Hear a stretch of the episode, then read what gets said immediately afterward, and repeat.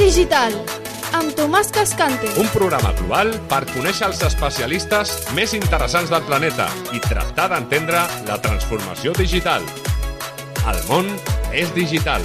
El món és digital, El món és digital. amb Tomàs Cascante. Hola, benvingudes, benvinguts un cop més a El món és digital, un programa que fem amb la col·laboració de PIMEC, la patronal de la petita i mitjana empresa i dels autònoms de Catalunya.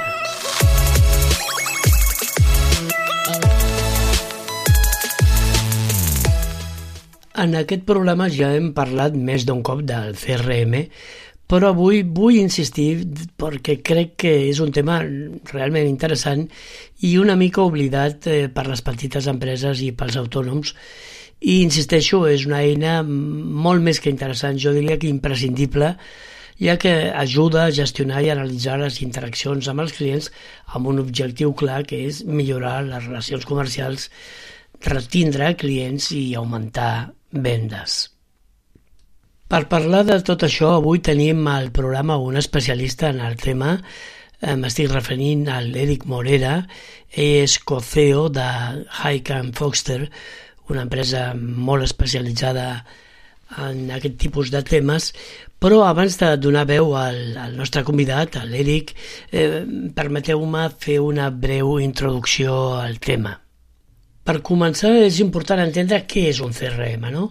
Eh, En definitiva, en essència, és un software, un, un programari que emmagatzema informació sobre clients i possibles clients, informació tipus com els noms, adreces, telèfons i, i sobretot registres d'interaccions prèvies, no?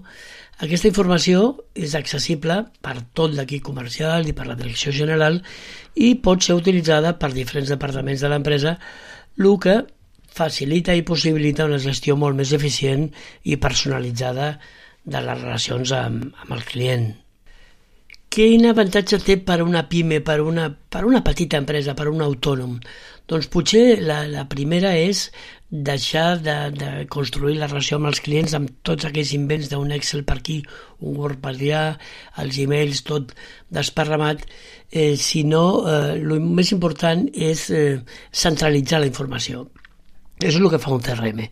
Això vol dir que tota la informació del client eh, està en un sol lloc i a més normalment en un sol lloc al núvol, amb la qual és accessible des de qualsevol puesto, el que evidentment facilita el seguiment i la gestió de les relacions amb els clients. A més, un CRM permet automatitzar tarees repetitives com l'enviament de correus electrònics, de seguiment o de recordatoris, coses que ara estem fent de qualsevol forma i que queden centralitzades i automatitzades. Un altre benefici que, que de moment fem de qualsevol forma, però sí, ho intentem fer, és la capacitat de segmentar clients. Això vol dir que permet a les empreses dirigir els seus esforços de màrqueting i de ventes a grups molt concrets, molt específics de clients basant-se en criteris com la, la ubicació, l'historial de compres o les preferències personals d'uns o altres clients. Aquesta segmentació pot resultar molt efectiva en campanyes de màrqueting i, i realment facilita el retorn de, de la inversió de, del CRM. En definitiva, i ara sí ja li passo la paraula a l'Eric, eh, un CRM és una eina poderosa per les pimes i autònoms i ajuda a millorar la gestió de les relacions amb el client, augmenta l'eficàcia i l'eficiència a través d'aquest procés automatitzat i proporciona informació molt valuosa a través dels anàlisis de dades. I ja no m'enrotllo més, li passo la paraula i li dono la benvinguda al nostre convidat.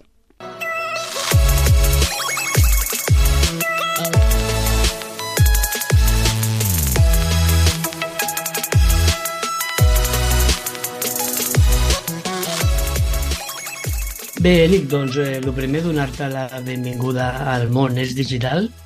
Moltes gràcies per convidar-me.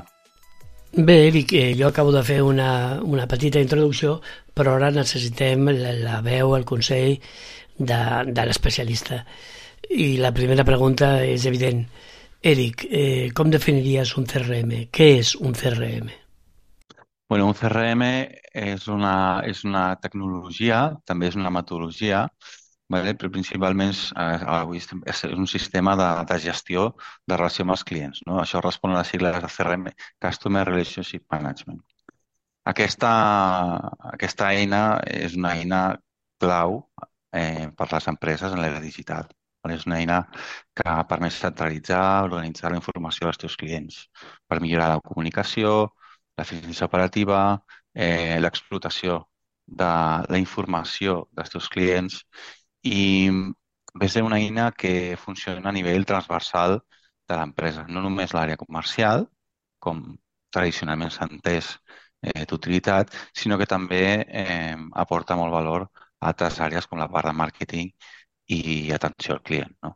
Llavors, disposar un CRM pot ser realment un factor diferencial per tot allò que comentava de la part d'explotació de dades, de dades i per la, diguem, per la, per tomar decisions, no?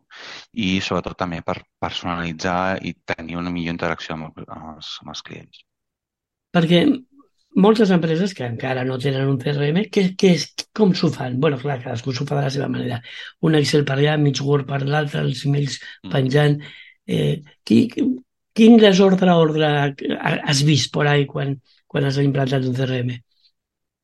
Hem vist de tot, no? Però principalment és, és estem parlant d'arxius Excels, gestió de client mitjançant eh, l'Outlook, eh, tota informació descentralitzada, eh, molta ineficiència operativa, no? Eh, I molt poca traçabilitat. Vale? Eh, nosaltres el que, el que veiem més és molta ineficiència, no? Eh, perquè, clar, al final cadascú té la seva... és, és l'amo de la seva informació i, i viu de la seva informació i és informació que no, que no viatja eh, a altres àrees de l'empresa o a altres companys. No? Llavors, eh, amb el CRM el que intentem és que tota aquesta eh, activitat, tota aquesta eh, eh, relació amb el client quedi centralitzada en un sol lloc, que és el, el CRM, i eh, de, de forma que bueno, eh, és informació compartida i és informació que pertany a l'empresa, no, no, no a l'equip comercial. No? I quin, quins departaments, abans has dit una mica comercial, màrqueting, però estic veient, evidentment, direcció general. O sigui, que, quins departaments engloba, per dir-ho així, un, un bon CRM i, i una mica això, com, com estan interconnectats amb, eh, amb ells. És una cosa al núvol o és una aplicació eh, que està dintre l'empresa? En general, eh, vull dir, evidentment ja sé que hi ha tots els casos. Sí, sigui, nosaltres eh, treballem ex exclusivament al cloud, eh, en clouds que diem eh, públics, és a dir, que pots accedir eh, allà on estiguis sense necessitat de VPNs i de més. Vale? No hi ha, en temes de seguretat, avui dia hi ha, hi ha moltes eines que s'utilitzen per millorar la seguretat, i, bueno, però abans sí que s'utilitzaven eines on-premise, que havies d'accedir o havies d'estar a l'empresa, connectar a la red de l'empresa i després eh, amb tota la part de tot, ja, amb tota la implementació de les VPN, sobretot quan la gent va, va marxar a treballar en remot, no? eh, doncs eh, es van fer molt populars, però realment el que, el que es porta avui dia és, eh, són les eines eh, purament, purament cloud. Sí, l'altre dia, off the record fora de micro, em, em parlaves de l'agilitat empresarial que un CRM ben implantat pot, pot produir, no? No sé si tindries algun exemple, perquè els exemples sempre són el millor, algun exemple concret de com la implementació d'un CRM doncs, ha permès a una empresa ser més àgil en les seves operacions. Bueno, hi, ha, hi ha molts exemples. Eh, principalment, eh, bueno, hi, ha, hi ha un exemple que és, és quan tu tens processos de, de venda que són llargs, no? que, que eh, nosaltres, la implementació d'un CRM t'ajuda a el que és planificar tot aquest procés comercial, no? les etapes, totes aquelles etapes per les que un, un lead ha de passar per convertir-se en client, ¿vale? aconseguim mapejar aquestes etapes i saber què és el que està passant a cada, a cada, a cada, a cadascuna d'aquestes etapes. No? Llavors, eh, en molts casos, veiem que hi ha una ineficiència eh, comercial, no? perquè potser estem, eh, estem creant etapes, estem passant per etapes, fer passar per etapes a, a leads que realment no necessiten per passar per aquelles etapes, o que els eh, leads es queden encallats a unes etapes particulars. No? Llavors, eh, el típic informe que fem primer és eh, quant de temps estan els leads en cadascuna de les etapes. No? Llavors, aquesta gestió d'oportunitat, de l'oportunitat i, diguem-ne, tenir eh, la informació de, que, bueno, realment, sense fer realment no la podries tenir, doncs eh, és la primera, una de les primeres eficiències que, que nosaltres implementem a nivell d'agilitat comercial. No? I això seria una. I després hi ha una altra que és molt important, que és saber no, eh, què és el que està fent l'equip comercial a nivell de traçabilitat. No? Pues quantes trucades es fan, quantes reunions es tenen eh, i, en definitiva, quantes interaccions de tenir amb el client per tancar una venda, amb el lead, no? per tancar una venda. No? Llavors, eh, a nivell d'agilitat, eh, sempre es fixem en el millor venedor, no? o els venedors que venen més, què és el que fan. No? I això ajuda als venedors els nous, nous venedors o els venedors que, que tenen performance menor, com els podem ajudar a millorar el seu, el seu, el seu procés, el seu procediment comercial eh, per apropar-se a mètriques, a mètriques més, més, a, més altes. No? Creixement empresarial també en parlaves, o sigui, més o menys ja s'està intuint, però com un CRM doncs, pot ajudar a escalar el teu negoci, a fer-lo créixer? Un, un CRM facilita el creixement de diverses maneres. No? Eh, per una banda, proporciona una visió, una visió integral de client. No? Eh, per on ha vingut aquest client, com ha convertit, amb quin comercial va tenir la primera interacció, eh, si ha tingut eh, incidències a nivell d'entregues de producte, eh, retrasos d'entrega de serveis, o algun, alguna incidència. No? Llavors, eh, el que sí que el CRM et permet identificar totes aquestes oportunitats de millora, no? des del que és l'optimitzar per comercial que hem comentat, a també com eh, potenciar la venda creuada, els upsellings, no? i eh, automatitzar totes aquestes tasques repetitives que, es, que, es, que, que deriven de l'activitat de relació amb el client. No? Llavors, aquestes, hi ha un moment que dius, bueno, quan al final nosaltres implementem automatismes amb sentit, no? No, no, no mirem d'automatitzar-ho tot, sinó automatitzar allò que té sentit perquè realment eh, l'equip comercial, màrqueting o atenció al client pugui dedicar el seu temps a tasques de valor. Vale? Vale, estem sentint tot això i vale, en principi pues, ens sembla que, que sí, però ara ve l'hora de la veritat. Vale, què, què faig? Vull posar un CRM a la meva empresa, eh, a part de trucar-te a tu, evidentment, però quins són els passos i, i com es va implementar tot això perquè acabi sent tan meravellós com ens estàs explicant? Bé, nosaltres eh, a Hack Foster entenem que cada empresa és única.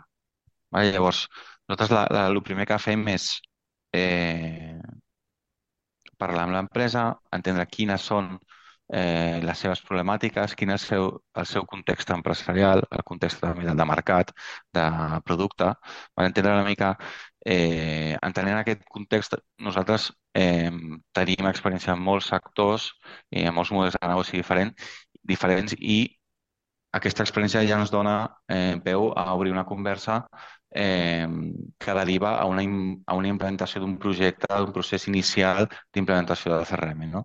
Llavors, aquí hi ha, hi ha diverses passes. Llavors, hi ha primer el que és la definició a nivell de processos, no? què, què ha de canviar l'empresa, què és el que ha de canviar, què és el que ha de millorar, on ha de reforçar eh, on ha de reforçar diguem-ne eh, aquests mecanismes i després hi ha la part diguem-ne de, de tecnologia. No? Eh, no totes les tecnologies serveixen per totes les empreses. O sigui, no, hi ha molts CRMs al mercat, eh, hi ha CRMs per petites empreses, hi ha CRMs per pimes, hi ha empreses per, per empreses grans. No? Llavors, aquí també hi ha un procés que fem nosaltres que és de eh, aconsellar al client quina és la millor eina per, per eh, assolir els objectius que, que, que hem definit abans. No? Parlaves de context eh, i, i al CRM, com acabes de dir, hi ha solucions eh, per un tubo, no? Eh, si les busquem a, Sí. a internet. Eh, però per adequar-les més exactament a la nostra legislació i a la nostra forma de treballar, vull dir, eh, podem contextualitzar-la i centrar-la més amb el tema Espanya, Catalunya, o sigui, podem afinar-la a un context molt, molt particular? Sí, o sigui, nosaltres tenim, o sigui, treballem amb eines en diferents idiomes que, diguem-ne que les, els, els CRMs més potents del mercat sí que poden personalitzar eh, fins i tot arribar al, al català, ¿vale? Eh, hi ha eines que no arriben, però principalment estem parlant de proveïdors americans, no? Llavors, per un Mm. tema de, per un tema de, de recursos, doncs hi ha, llengües que no, que no arriben, no? Però sí que, sí que es demana. Llavors, pensa que a nivell, a nivell lingüístic a les empreses no només parla, o sigui, a Espanya es parla tots els idiomes. Llavors, no, a nivell de personalització CRM tenim la possibilitat de eh, posar el CRM a l'idioma de l'usuari. Eh? Eh, quan, com quan vas a una web, no? te poses l'idioma català, el castellà, l'anglès, el francès. No? Llavors, eh, el CRM és igual. O sigui, a nivell de lo que és la part visual, la pots eh, personalitzar i el que és la part més custom, diguem-ne, els camps, etc. Llavors l'empresa ha de prendre una decisió si vol treballar en català, si vol treballar en castellà, si vol treballar en anglès. Això depèn una mica de lo que és la projecció, projecció internacional que tingui, eh, els, els empleats que té, no? perquè al final eh, l'empresa vol que quan algú el logueja dins del CRM eh, pugui entendre la informació que hi ha dins, no? Val. Eh, la última, potser, pregunta és, també alguns està sentint i diu, bueno, però això és una despesa que jo crec que és una inversió, suposo que ara tu ens ho expliques. Però el famós ROI, no? Vale, com, Mm. com recuperaré tota aquesta inversió que faig, suposant que sí que sigui una inversió? Parla'ns una mica de, de, del ROI. Bé, sempre nosaltres, eh, el ROI principal ve de l'eficiència operativa i, i de lo que és la, l'agregació, l'agrupació d'informació que està normalment dispersa i que és informació que, que és propietat de l'empresa i que moltes vegades es perd perquè no hi ha processos de documentació i, bueno, perquè després, eh, bueno, eh, per això, no? Llavors, són, són potser eh, dos conceptes mm, intangibles, aquests dos, però jo diria que són els més rellevants, no? Eh, realment són, són dos, eh, són dos mètriques que, que el que és la, la, la capacitat de disposar d'informació i la mi- millora operativa, que al final resulten en el que és una millora de, de capacitat de vendre. Vale? Diguem-ne que si nosaltres eh, aconseguim que els comercials eh, treballin més ràpid o amb uns automatismes, això produeix no, no, un, no una disminució del cost directe, però sí un augment de la del temps disponible que té el comercial per vendre. Llavors, la seva capacitat de vendre millora. Llavors, eh, com a resultat, hi ha un augment de vendes. No? Eh, tant és això com, per exemple, l'equip de màrqueting eh, poder segmentar campanyes recolzades en informació de l'històric de compres dels clients, que és una cosa que pot semblar bastant nòvia, però és, eh, no, moltes empreses encara tenen, tenen eh, pocs recursos per fer això. No? Llavors, eh, clar, allà milloren les ratis de conversió de les campanyes d'email, milloren les ratis de conversió de les campanyes de publicitat. Eh, llavors, eh, sempre mirem el resultat final, no? O sigui, eh, no hi ha un, no hi ha un marge comercial, no hi ha un, una, un ROI directe, però sí que és un ROI eh, que podem dir el que és millorar operativa en tots els àmbits. Val, la última pregunta sempre m'agrada que se la faci un mateix. Eh, Hem estat parlant una mica per sobre i en general del CRM i su- suposo que m'he deixat coses al tinter per preguntar-te. Llavors, Sí. tu mateix conclou doncs, amb explica'ns no sé què, que, que és important que sapiguem i que no t'he preguntat. Bueno, que difícil. Doncs um, a mi m'agradaria, eh, bueno, nosaltres, eh, a mi m'agradaria entendre eh, quan, quan comences un projecte de CRM, no? eh, la gent moltes vegades no sap a lo que, a lo que ve, no? O sigui, pensa, bueno, crec que això ho he de fer com una mena d'inèrcia, no? Llavors, jo moltes vegades em qüestiono eh, com és que encara no és una eina eh, tan madura. Eh, o sigui, potser la, la gent s'espera que aquesta eina només sigui per a grans empreses o empreses amb equips comercials molt grans, però realment, eh, i és allò que em sorprèn molt, que empreses petites mm, per la inèrcia operativa que tenen, el que sigui, no, no han pensat mai en, en el poder que té eh, implementar, implementar un CRM. O sigui, si una empresa de 5 persones implementar un CRM millora la seva eficiència operativa, a una empresa tan petita es nota molt. Vale? Té un, diguem que té un impacte més alt. No? Llavors, jo crec que, que a, la, a la pandèmia, després de la pandèmia, hi va haver molt un boom de digitalització, transformació digital, bla, bla, bla, no? Van molts recursos, fons, fons, de, fons europeus, etc. Però encara veiem que bueno, hi ha moltes empreses que necessiten eh, començar aquest camí. No? Llavors, jo em pregunto, quan estareu preparats per fer aquest pas? Bueno, sí, hi ha, hi ha realment una por, hi ha una por al canvi i, i la petita empresa realment li va costant i una mica aquest és l'objecte del nostre programa, no? Il·lustrar-los i, i anar a poc a poc posant-los al dia i fent perdre aquesta por. Bé, Eric, doncs molt bé, ha estat eh, interessant, gràcies pel teu temps i Gràcies. aquest tipus d'entrevistes sempre m'agrada dir que d'aquí sis mesos, un temps, les tornarem a repetir perquè ens posis al dia de com va evolucionant el tema. Encantat, un plaer. Avui el programa no acaba amb l'entrevista. Avui, com de tant en tant, la Marta Clua ens porta una sorpresa, una sorpresa literària. Toc Tec.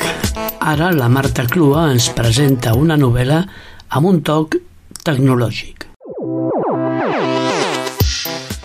Hola a tots i a totes. Avui a TocTec reflexionarem de l'impacte global de la tecnologia en el nostre món i ho farem amb Antes muerta que analògica, de L'Àurea Rodríguez, publicat el 2022 per Orsori Editorial.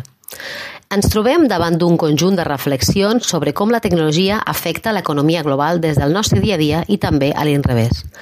Al llarg de 14 capítols anirem veient de quina manera la tecnologia ha condicionat, condiciona i condicionarà la nostra vida. Reflexions al voltant de la poca representativitat de la dona en la tecnologia, el poder de les dades i el seu govern, les dificultats i també necessitats d'innovar i d'emprendre, les noves professions que la tecnologia ens aportarà, les finances digitals i el seu impacte encara desconegut per a molts, la personalització de la tecnologia en l'àmbit de la salut, el metavers i com canvien les relacions humanes, l'humanisme tecnològic sostenible, entre d'altres. L'Àurea no només ens comparteix les seves reflexions, sinó que també s'ha envoltat de grans professionals que fan la seva aportació a la part final de cadascun dels capítols, que enriqueixen encara més tot el llibre. A destacar, sobretot, les conclusions visuals de l'Anna Sagarra, que resumeixen d'una manera molt original tot el que l'Àurea ens ha volgut explicar. Quin seria el toc tec del llibre? Doncs bé, Antes muerta que analògica és un assaig divulgatiu que ajuda a fer-se una idea de com la tecnologia afecta a tot el que ens envolta. A Antes muerta que analògica, l'Àurea parla com a tecnòloga, com a professional del sector, com a emprenedora, com a mentora, com a divulgadora, però també com a dona, com a mare i feminista. I ho fa sense embuts, posant-la directa, amb una àcida ironia que et sacseja i que, sobretot, et fa pensar. Sovint, quan anem a alguna xerrada sobre tecnologia, si no ets un expert en el tema, el discurs et pot arribar a avorrir. El to resulta seriós, amb molts anglicismes i amb un punt d'abstracció que fa complicada la seva interpretació. Sempre i quan la persona que en parli no sigui l'Àurea Rodríguez. Al principi del llibre, l'Aula parla del concepte de sinergens, que seria una funció entre la sinergia i la gent. I a l'acabar el llibre et preguntes Seré jo també part d'aquests sinergens? Espero que sí. Espero i desitjo que us agradi tant com a mi. I ara sí, amb aquest interessant llibre que ens ha presentat la Marta Clua i la, la definició i l'explicació del CRM de l'Eric Morera, acomiadem el programa d'avui. Fins la propera. El món és digital. Amb Tomàs Cascante.